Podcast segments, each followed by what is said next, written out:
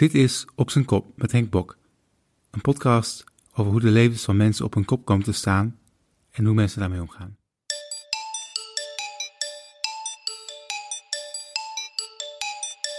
Een paar weken terug kwam uh, Vincent bij mij langs thuis.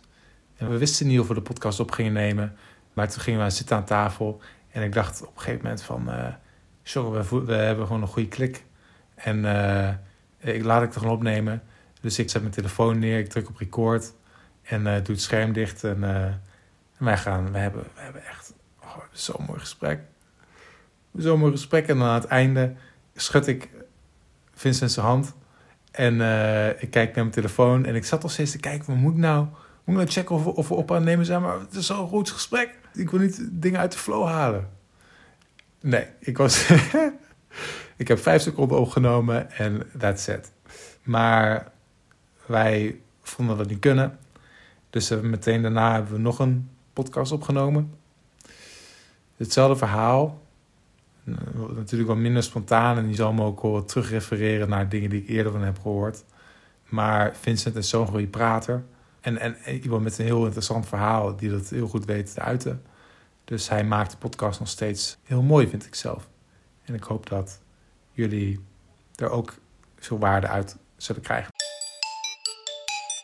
Ik zal hem misschien even kort voorstellen dan. Uh, ik ben Vincent, 42 jaar. Uh, sinds mijn achttiende ben ik lid van de Norbertijnen Abdijgemeenschap van Averboden in Vlaanderen. Ik ben daar in 2007 priester gewijd, toen was ik 26. Um, in de voorbije ongeveer 25 jaar heb ik uh, drie heel donkere periodes doorgemaakt, die je uh, kan uh, labelen als depressies. Het is eigenlijk al van mijn vroege tienerjaren dat ik aan mm. mezelf wel merkte dat ik uh, hier en daar wel, wel de neiging heb om, om wat meer, ja, wat donkerder te kijken. Existentialistischer, soms cynischer. En dat cynische weet ik dan vaak wel eens met wat humor te verpakken. En dan blijft het verteerbaar voor wie het beluistert. Maar uh, ja, ik ben een, een kei in rampscenario's en do doemdenken. Ja, zo heb ik, zo, zoals ik in de vorige podcast zei, zo ken ik jou niet. Ik, ken jou als, zelf als iemand die uh, heel, heel, wel heel veel optimisme ook, ook, ook zoekt.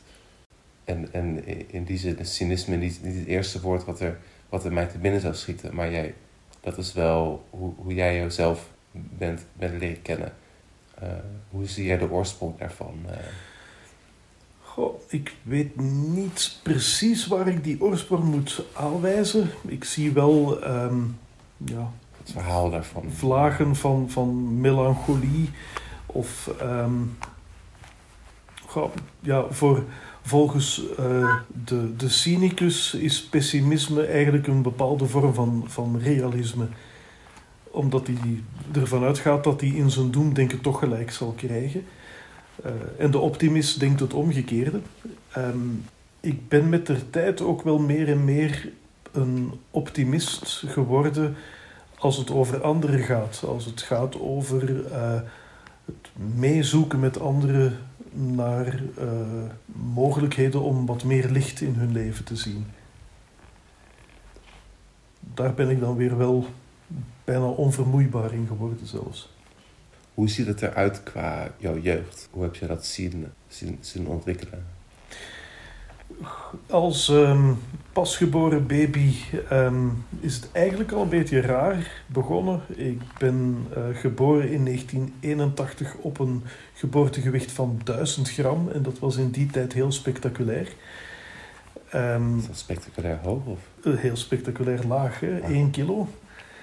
Um, ondertussen heb ik dat, uh, die achterstand wel weggewerkt hoor. Mijn huidige lichaamsgewicht is ja, ruim voldoende voor wat het moet zijn. Um, en dus eigenlijk een beetje als een zorgenkind geboren. Um, in een heel zorgzaam gezin opgegroeid. Um, maar ook met een, een broertje die uh, aan astma lijdt en als peuter gemerkt dat ik daar niet veel bij kon helpen. En mijn machteloosheid dan maar gecompenseerd door het onzichtbare kind te proberen zijn en heel braaf in een hoekje te spelen, terwijl mijn ouders probeerden mijn broer uh, te helpen. Hmm. Um, machteloosheid is denk ik een, een belangrijke uh, ja, rode draad in heel die beleving. Merken dat er situaties zijn die ik niet goed vind of niet positief.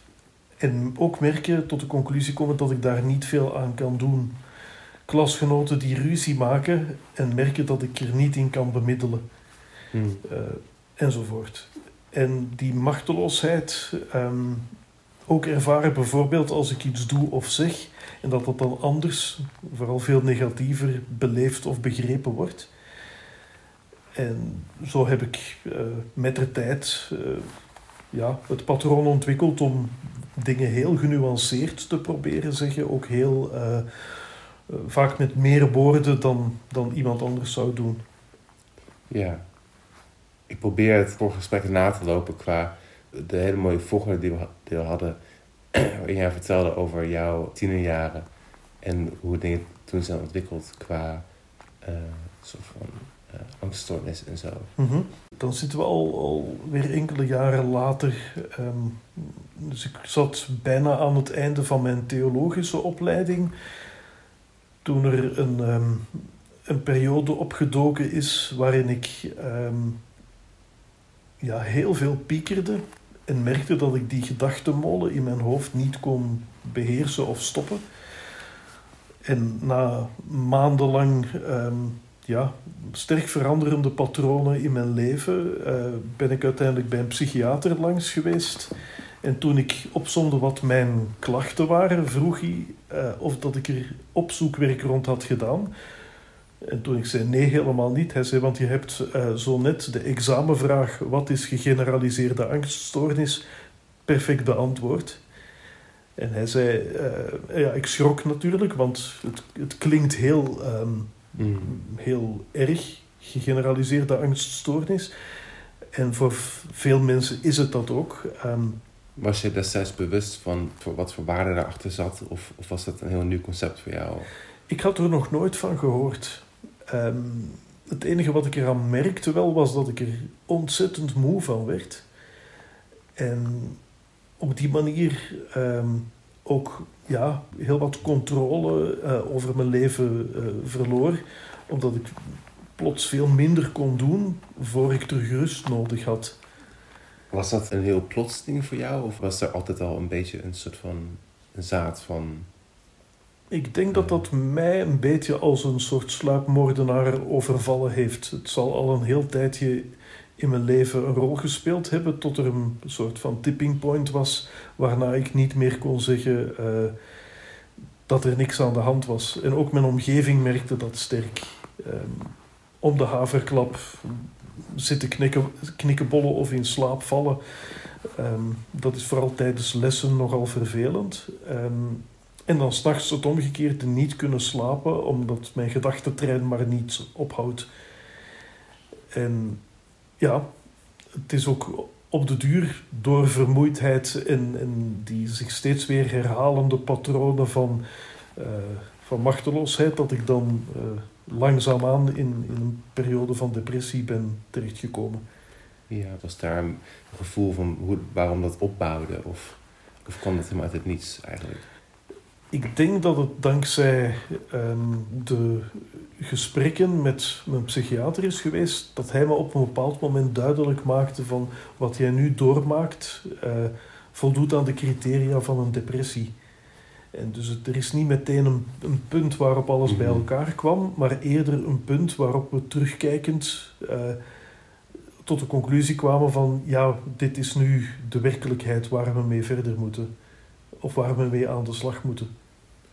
Ja, uh, wat ik probeer te begrijpen is hoe die, die angststoornis paste binnen jouw omstandigheden destijds.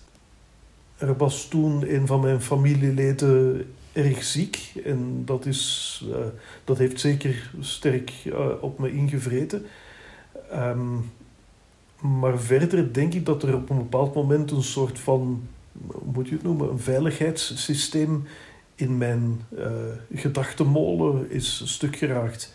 Waardoor de Mhm. rem en, en, eh, en de beheersing van, van het, het piekeren eh, ja, niet meer werkte. Iets wat, wat een voor en na had. Of, of ervaring. ja, toch niet meteen iets dat me dan van de ene op de andere moment in één klap in, in die situatie bracht. Eh, Mm. zo heb ik het eigenlijk nooit ervaren. Nee. Het gaat altijd weer om, om, het, eh, om een situatie die zich langzaam ontwikkelt. En als ik er dan op terugkijk, bijvoorbeeld de voorbije maanden, eh, om het dan zo te benoemen, en daar dan ja, de criteria naast leg van vanaf welk moment noemen we iets een depressie Ja. eh, of eh, gegeneraliseerde angststoornis, dat, er dan, eh, dat het er dan wel aan voldeed. Toen ben je dus in gesprek gegaan met een therapeut. Of, of Mhm. hoe, hoe zag dat, er, dat eruit voor jou? Mijn ehm, therapeut is ehm, vooral heel sterk in het. Eh, ehm, ja, in, in cognitieve gesprekstherapie en, en ehm, psychofarmacologie. Want de medicatie was zeker niet onbelangrijk in, in het helpen. Maar ehm, heeft er altijd heel veel tijd en moeite eh, in geïnvesteerd om mij te helpen begrijpen hoe het in mijn hoofd werkte. En wat ik kon doen om, ja, om, om stappen vooruit te zetten. Dus voor mij is de therapie niet zozeer een kwestie van oefenen of, eh, hoe moet ik het noemen, omdenken geweest. Ehm, maar eerder wel leren de processen die in mijn hoofd bezig zijn te begrijpen. eh, en waar ze uit de bocht dreigen te gaan om daar dan vangrails te plaatsen. En dat is een proces geweest waar jullie vanaf je 23e volgens mij tot eh, je 26e of zo, dat, jullie daar samen een soort van vooruitgang mee hebben gemaakt. Ja, stap voor stap. Ehm, de samenwerking met die psychiater eh, zal volgend jaar eh, de twintigste verjaardag eh, vieren. Hij vroeg, als ik, als ik zei van ja, volgend jaar kom ik hier 20 jaar, zei hij van ja, is dat iets dat we moeten vieren? En ik heb toen geantwoord van ja, misschien wel, want dat betekent dat er in heel die tijd iemand is geweest die niet gestopt is met luisteren. Ik heb hem er ook interessant voor betaald hoor. Hij heeft een, eh, een, een mooie motor en een, en een leuke auto, maar Hm. eh, die heb ik zelf niet helemaal betaald dan waarschijnlijk. Hè. Maar het is ehm, heel typisch aan mijn therapeut is dat hij de tijd neemt. En, en ook ja, de energie eh, op kan brengen om tot in de diepte mee te denken en mee te zoeken. En dat is me heel dierbaar. Je, je hebt die periode gehad waarin je veel vooruitgang hebt gemaakt met, met die een therapeut. Om tot een nieuw punt in je leven te bereiken waarin je beter een soort van ehm, voelt dat je om kan gaan met die, met die angststoornis. Mhm. Ja, die is eigenlijk, voor zover ik het kan zien, achter de rug. Dus eh, toen mijn eh, psychiater me zei, dit is mogelijk waar je eh, mee kampt, heeft hij me ook gezegd, ik heb goed nieuws voor je, ik kan je helpen, maar het zal een tijdje duren. Een Ja. jaar of twee jaar. En inderdaad, toen ik in 2006 de depressie als achter de rug kon beschouwen, ehm, was die gegeneraliseerde angststoornis ook geen deel meer van het plaatje. Ja.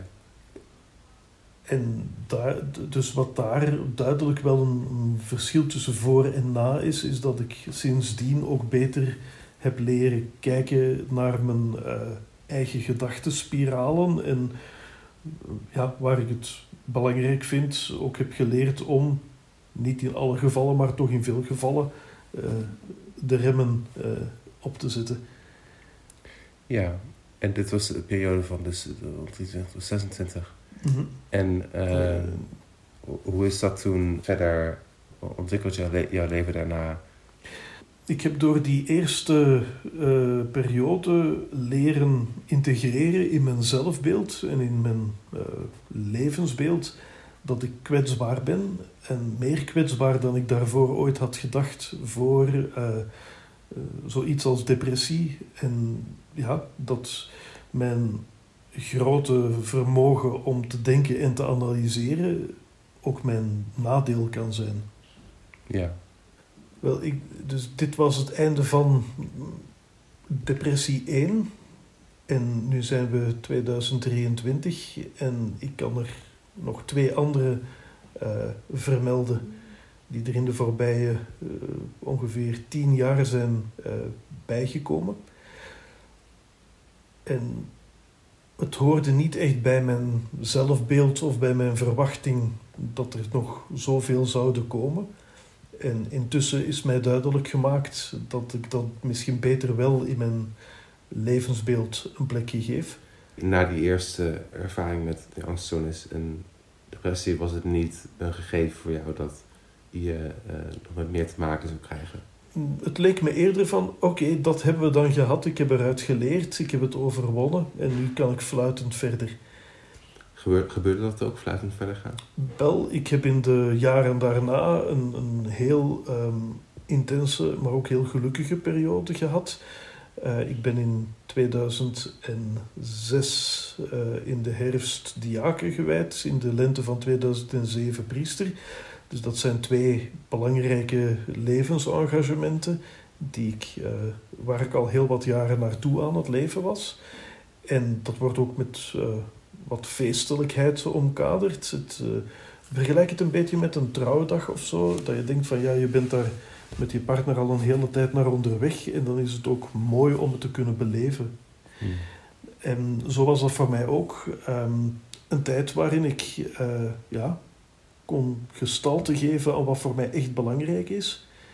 En ook een, een start maken, een soort van, van uh, knooppunt waaraan mijn, de draden van mijn levensverhaal vastgemaakt worden.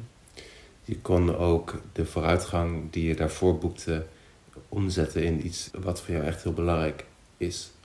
Ja, het was ook een soort van mijlpaal waar ik heel lang me op georiënteerd had en die door die donkere periode veel minder vanzelfsprekend leek. Het was een bewijs van hoe dingen ook goed gingen. Ja. ja. Het sprak mijn, uh, mijn doendenken tegen. En hoe is dat toen verder ontwikkeld? Ik heb toen nog een paar jaar verder gestudeerd en dan ben ik beginnen werken als bezinningsbegeleider. En dus op die manier heel veel met jongeren gewerkt. Uh, ook gemerkt dat bij hen uh, kwetsbaarheden, uh, psychische kwetsbaarheden, vaak een thema zijn, maar ook een taboe. En door het dan in alle kalmte ter sprake te brengen, um, heb ik in heel wat groepen of in heel wat harten ruimte gemaakt om daar niet. Um, omheen te blijven draaien, maar het, gewoon te bekijken en ermee om te leren gaan. En ja, dat, in die zin kon ik mijn ervaring uh, ten dienste stellen van, van het geluk van andere mensen. En dat, dat vond ik wel belangrijk. Hoe zag voor jou die uh, situatie in jouw leven eruit als bezinningsbegeleider? Uh, bedoel je hoe ik aan, aan die taak ben gekomen dan? Hoe, ja, hoe, ja. Je, hoe, hoe, hoe, dat, hoe dat jouw leven is geworden. Um. Wel, um, ja, in een, in een kloostergemeenschap uh, stelt men ook de vraag: wat doe je graag? Maar misschien meer primair, wat hebben we nodig? Welke taken moeten ingevuld worden? En op dat moment was er een medewerker meer nodig in ons bezinningscentrum. En daarom ben ik zo aan de slag gegaan. En ik heb ook specifiek de opdracht gekregen om een opleiding te volgen uh, waarin ik heel praktijkgericht leerde om met jongeren, individueel en in groep, te werken. En, Was dat iets wat jij altijd al, um, waar je altijd al, waar, waar, je misschien al mee bezig was? Of iets, iets wat, wat voor jou voor de hand liggend was? Of... Ik denk dat ik al heel mijn leven um, heel intens aandacht heb voor anderen. En ik kan vrij vlot praten, maar ik kan ook goed luisteren. En goed luisteren naar mensen is iets waar veel nood aan is in onze samenleving. De wachttijden voor psychologen en therapeuten enzovoort zijn immens. Ja. En we zijn heel veel bezig met uitzenden in onze samenleving. Ook, ook aan, denk aan sociale media enzovoort. Deze podcast is ook een vorm van uitzenden. Mhm. Maar op hoeveel plekken wordt er nog echt geluisterd? Hoeveel mensen maken tijd en ruimte om echt aandacht te hebben voor een ander? En dat is iets dat ik al van in mijn tienerjaren heel actief en bewust probeer te doen. Mensen een, ergens een plek te bieden, tijd en ruimte te maken om uh, op verhaal te komen. En in die zin sluit mijn werk als bezinningsbegeleider daar ook wel bij aan. Dat is geen groepstherapie of zoiets.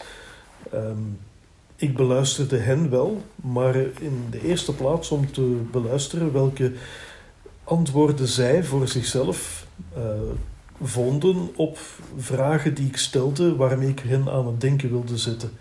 Ja. Vragen als wie ben jij? Wat is voor jou belangrijk? Wat wil je met je leven doen? Zijn diepgravende vragen voor mensen van 16 tot 22 jaar, zoiets. Um, vragen waar ze niet vaak mee bezig zijn per se, sommige wel. Um, Waren dat vragen waar jij zelf ook al antwoord op voelde op dat moment? Uh. Ja, waar ik een, nogal radicaal antwoord heb gegeven. En um, de radicaliteit van mijn levenskeuze is een, voor velen een uitdaging geweest om over hun eigen levenskeuze na te denken.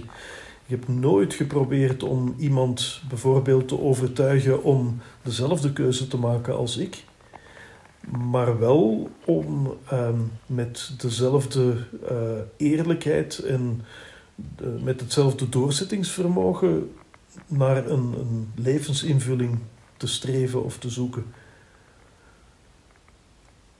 Daarom die vraag: wat is er voor jou echt belangrijk?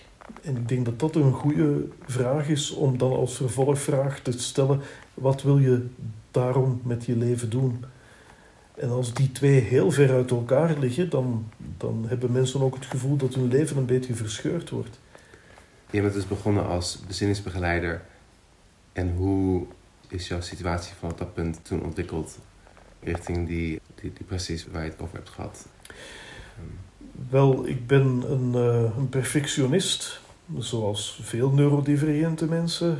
En uh, wilde dus ook uit elke bezinning die ik begeleide um, het best mogelijke halen voor de groep.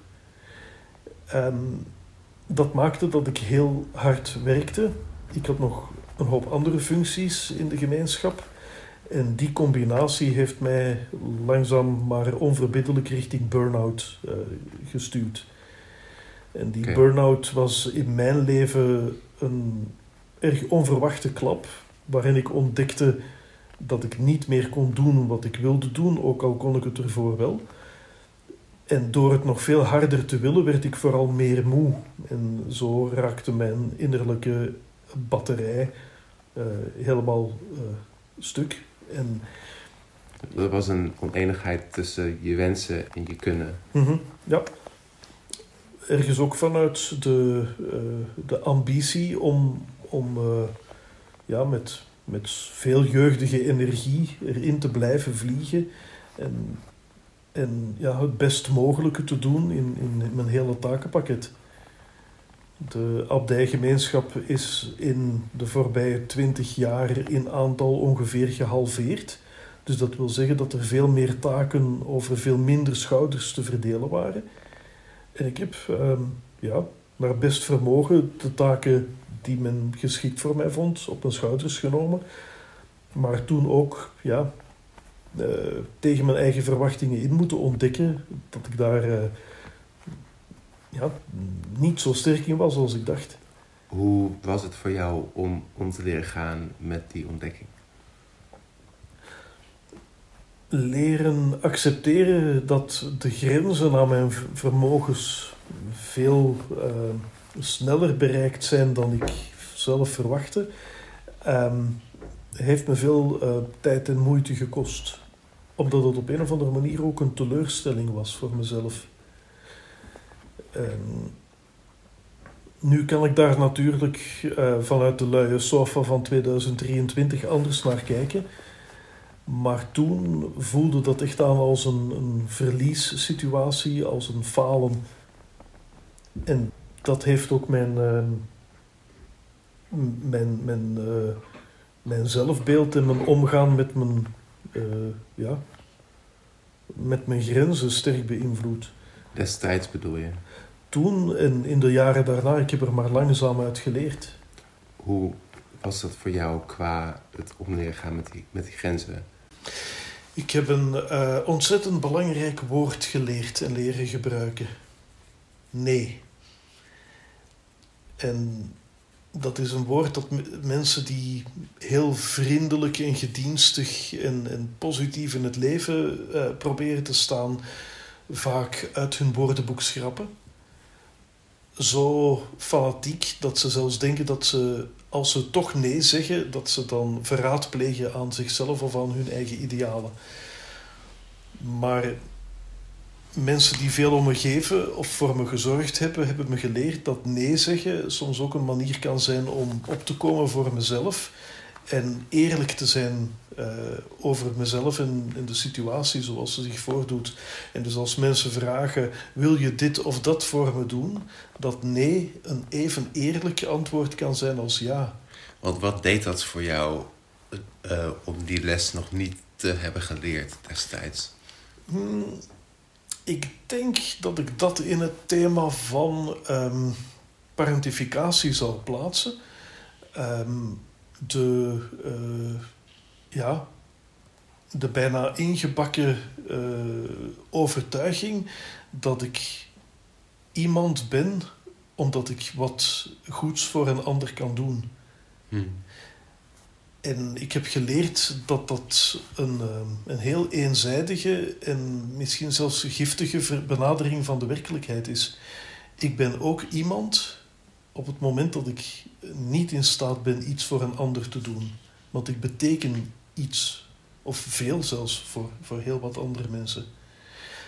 En dat beseffen op momenten dat je door totale uh, gebrek aan energie en, en, wilskracht aan je stoel of aan je bed gekluisterd bent, is, is voor mij een heel belangrijke uh, omslag geweest. Beseffen dat wanneer je nee zegt, dat relaties niet eindigen.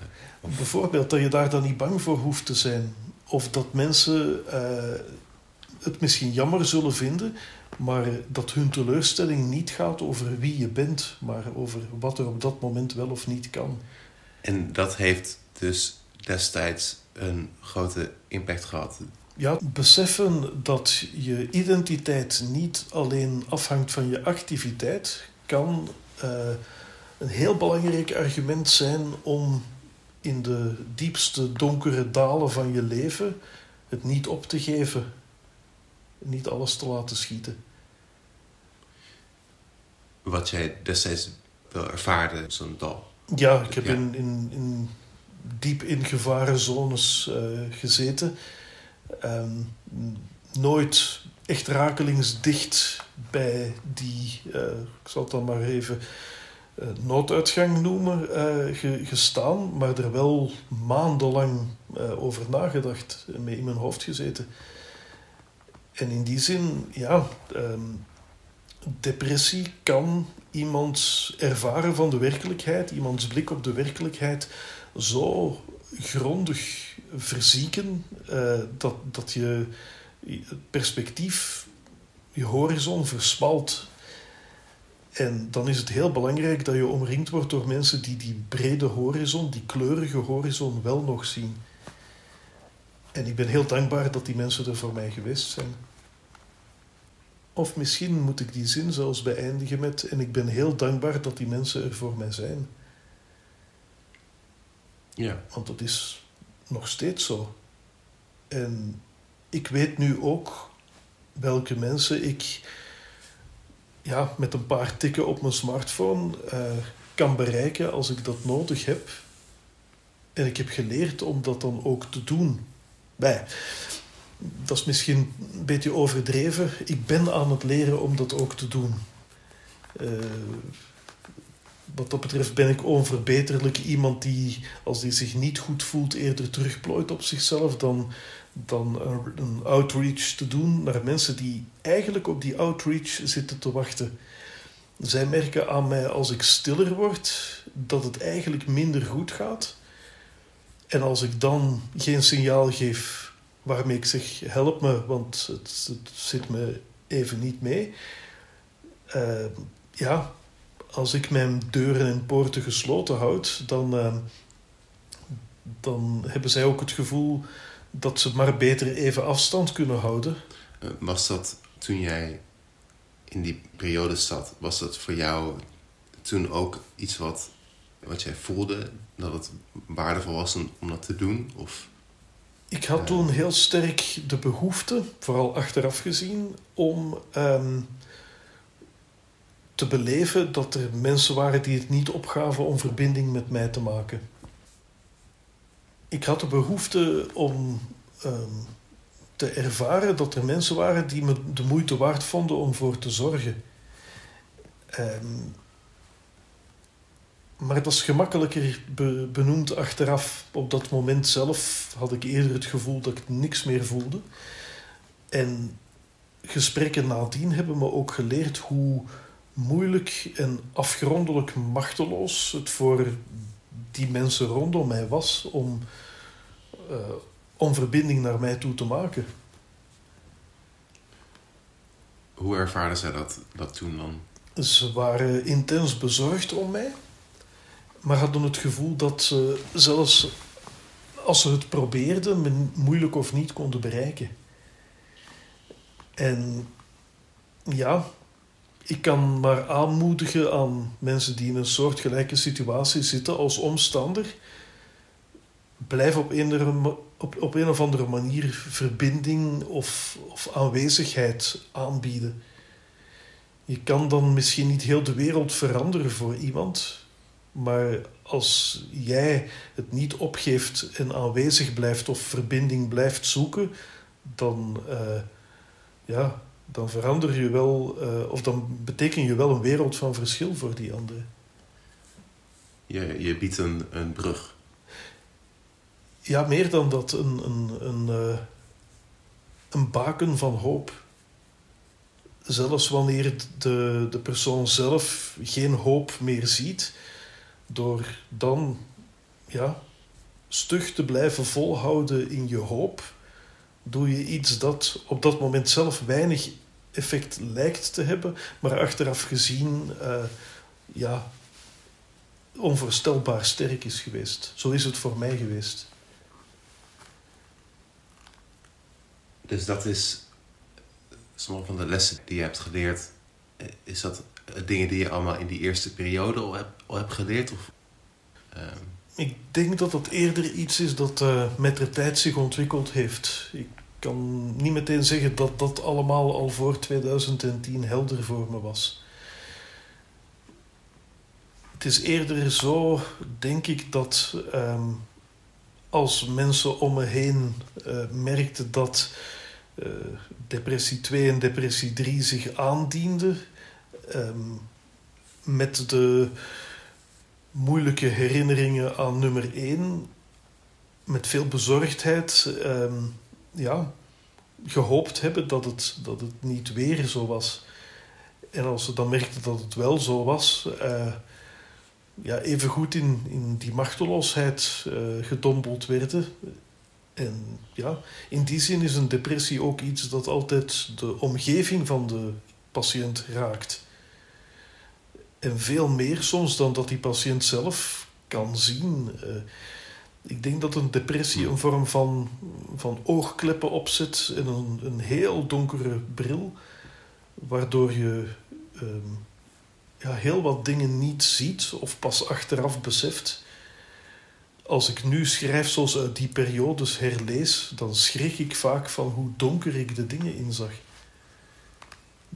Een, ja, die achteraf gezien eigenlijk niet de hele werkelijkheid waren. Hoe was dat verschil dan? Ik denk dat daar toen de doemdenker in mij veel meer vrij spel kreeg. En de realist uh, zich in de hoek gezet voelde en zweeg. Redeneringen als dit komt nooit meer goed, uh, of ik zie het helemaal niet meer zitten en dat zal ik ook nooit meer zo zien zitten. Um, dingen die voor mij toen heel stellig en, en haarscherp waren, waar ik achteraf van denk: Goh, wat ben ik blij dat dat niet mijn conclusie is gebleven. En dat heb ik geleerd dankzij uh, ja, goede therapie. Ik denk ook de juiste medicatie, dat die um, erg fundamenteel is. Maar ook mensen om me heen die op een of andere manier laten blijken dat ze de hoop niet opgeven en alles willen doen om me te helpen om die hoop te hervinden. Wat zij me geleerd hebben is wat ik nu zelf ook probeer te doen. Hoe je het zelf ook uh, formuleerde al. Dat je zegt van ja, op, op mij kom jij niet als een doemdenker over. Nee. Um, tegenover anderen, als het over hen gaat, ben ik vaak uh, ja, optimistischer. En dat is dan ook echt mijn overtuiging. Het is geen tactiek. Maar in die periodes van depressie was dat veel lastiger om terug te komen bij zo'n optimistische blik. Hoe zag het er voor jou uit om daarin te komen en daar dan weer uit te komen? Net zoals het vaststellen dat ik in zo'n periode zat, um, eerder een kwestie was van enkele weken en maanden terugkijken en merken dat het al zoveel weken of maanden um, ja, een situatie was van ernstig verstoord slaappatroon, denkpatroon uh, enzovoort. Was ook de vaststelling dat zo'n periode achter de rug was vaak iets van: hè, nu is het al een paar dagen of weken beter. Misschien, hopelijk, is het achter de rug en dan bleek dat ook zo te zijn.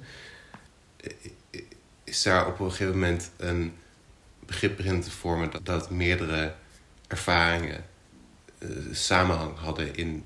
in, uh, in... Er is één heel duidelijk element, um, maar dat kan ook nogal heftig klinken. Uh, dus voor de luisteraar hier een, een trigger warning ik denk dat een van de meest duidelijke elementen, en dat is dan een combinatie van heel veel factoren, is die, dat mij duidelijk maakte dat het, uh, het achter de rug was, was dat ik weer wilde leven. En dat, dat dus een belangrijke, uh, heel uh, belangrijke grote rode vlag in, in, in mijn zelf- en levensbeeld was als ik het niet zag zitten om verder te leven, dat ik nog in zo'n zwarte periode zat. Ja. En eigenlijk, dat heb ik dan daardoor ook geleerd, is dan zo'n zo'n doodswens eigenlijk niet per se de wens om te stoppen met leven, maar te stoppen met lijden.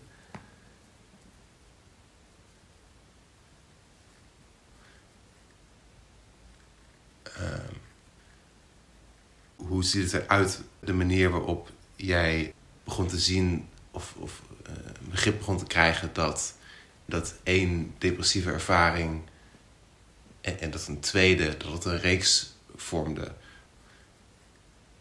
Ik heb dat heel lang niet gezien, tot mijn psychiater, niet zo heel lang geleden, uh, met een paar staalharde wetenschappelijke argumenten me een diagnose van uh, een vorm van bipolaire stoornis heeft voorgelegd.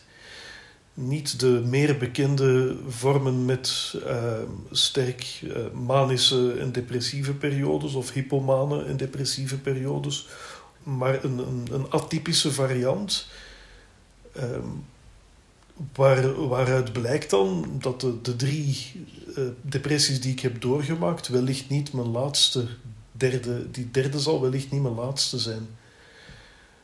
De derde, wat voor periode was dat voor jou? Van wanneer en, en hoe zag het eruit?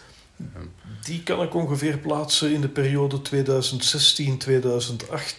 En als we die analyseerden, mijn therapeuten en ik, uh, hebben we de conclusie genomen dat die voor een heel stuk uh, te wijten was aan een niet leven volgens mijn spontane bioritme. Ik, ik heb spontaan een, een soort van chronische jetlag waardoor um, het leven volgens het abdijritme schadelijk is voor mijn gezondheid. Elke dag vroeg opstaan houd ik maar een korte periode echt vol en daarna word ik ziek. Okay. Mentaal. Um, in 2018 is dan na het nodige overleg de beslissing genomen om mij van uh, concrete levenswijze te doen veranderen. In plaats van binnen de abdijmuren te wonen, woon ik nu alleen in een pastorie, een parochie. En daar kan ik natuurlijk, mm, mits uh, het, ja, uh, goed in, in het oog houden van mijn engagementen als parochiepriester, toch ook wel meer volgen hoe mijn, mijn bioritme het voorschrijft. Als ik een, een voel dat ik dat nodig heb, kan ik eens een dag langer slapen, bijvoorbeeld. Mhm. Ook al heb ik die week dan bijvoorbeeld wel drie, drie vroege uh, kerkdiensten voor te gaan, ja, dan zorg ik, of probeer ik te zorgen dat ik daar wel ben. Dat is iets anders dan elke ochtend om kwart over zes opstaan om om zeven uur het ochtendgebed voor te zingen in de abdijkerk. Hoe ziet het er voor jou uit, die mogelijkheid dat er nog een keer een depressieve periode komt? Aan de ene kant um, nogal fatalistisch. Dan denk ik van ja, ik zal het wel zie, uh, goh, of ik zal het niet zien aankomen. Ik zal op een bepaalde dag wel tot de conclusie komen dat het uh, weer bezig is. Aan de andere kant ook wel heel. Um, probeer ik er eigenlijk eerder ontspannen mee om te gaan. En niet maar nu al elke dag vreselijk zorgen te maken over hoe het dan zal zijn. Want ik weet niet wanneer en hoe erg het zal worden. Ik heb geen gigantische bucketlist. Uh, ik denk als ik, als ik gewoon dat ene beetje verschil kan maken, positief in het leven van de mensen die ik ontmoet, gisteren, vandaag, morgen en overmorgen, dan, dan wil ik verder. Dat is, en dat geeft jou houvast die mogelijkheid te hebben om een verschil te maken in de levens van mensen. Ja, en dat verschil moet ik of maak ik niet per se door iets te doen, maar door wie ik ben. En dat is een, een iets moeilijkere denkoefening dan, maar um, aan de ene kant zeg ik van ik wil een positief verschil maken in het leven van de mensen die ik ontmoet. En dat ruikt een beetje naar dingen doen voor anderen. En dat zal ik ook met heel veel inzet en gedrevenheid doen. Maar aan de andere kant besef ik ook dat het, uh, het simpele feit dat ik besta voor behoorlijk wat mensen betekenisvol en belangrijk is. En dat een einde aan mijn leven, wanneer het ook zou komen, voor die mensen een bron van, van, van ja, verlies en, en, en gemis en verdriet zou betekenen. Ja. En ja, Absoluut. dan, zoals ik er nu bij zit, zeg ik, dan doe ik verder. Het risico nemend dat er nog periodes zullen komen waarin het, uh, het hele leven er, er, ja, asgrauw uitziet.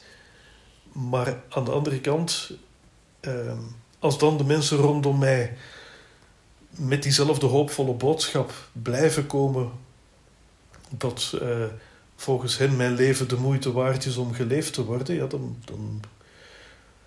Ik hoop dat ik dan de oren en de ogen zal hebben om, om die boodschap te vernemen en te accepteren.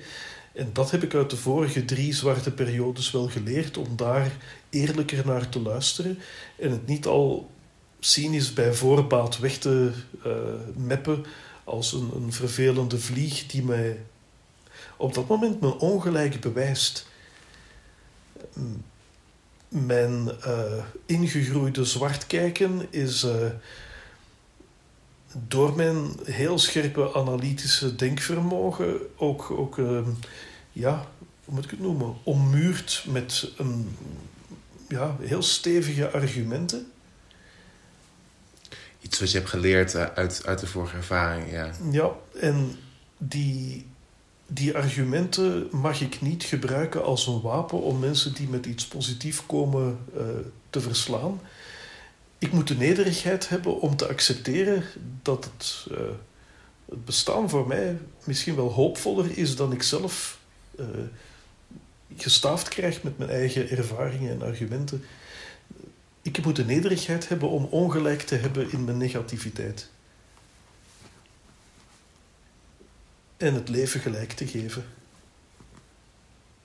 Net zoals je dat mee wil geven aan mensen in jouw rol als. Uh, ja, voorbij ook mijn rol als priester of bezinningsbegeleider. Bezinningsbegeleider, precies. Want dat laatste behoort nu niet meer tot mijn takenpakket. Maar als ik mensen aan het denken kan zetten door iets wat ik zeg of doe, uh, vind ik dat altijd wel erg leuk. Het, het leven is. Uh, de, ja, en de mens is, is ontzettend boeiend. En als ik anderen met diezelfde nieuwsgierigheid en openheid naar de werkelijkheid kan helpen kijken, vind ik dat pure winst. Dank je, Vincent. Graag gedaan.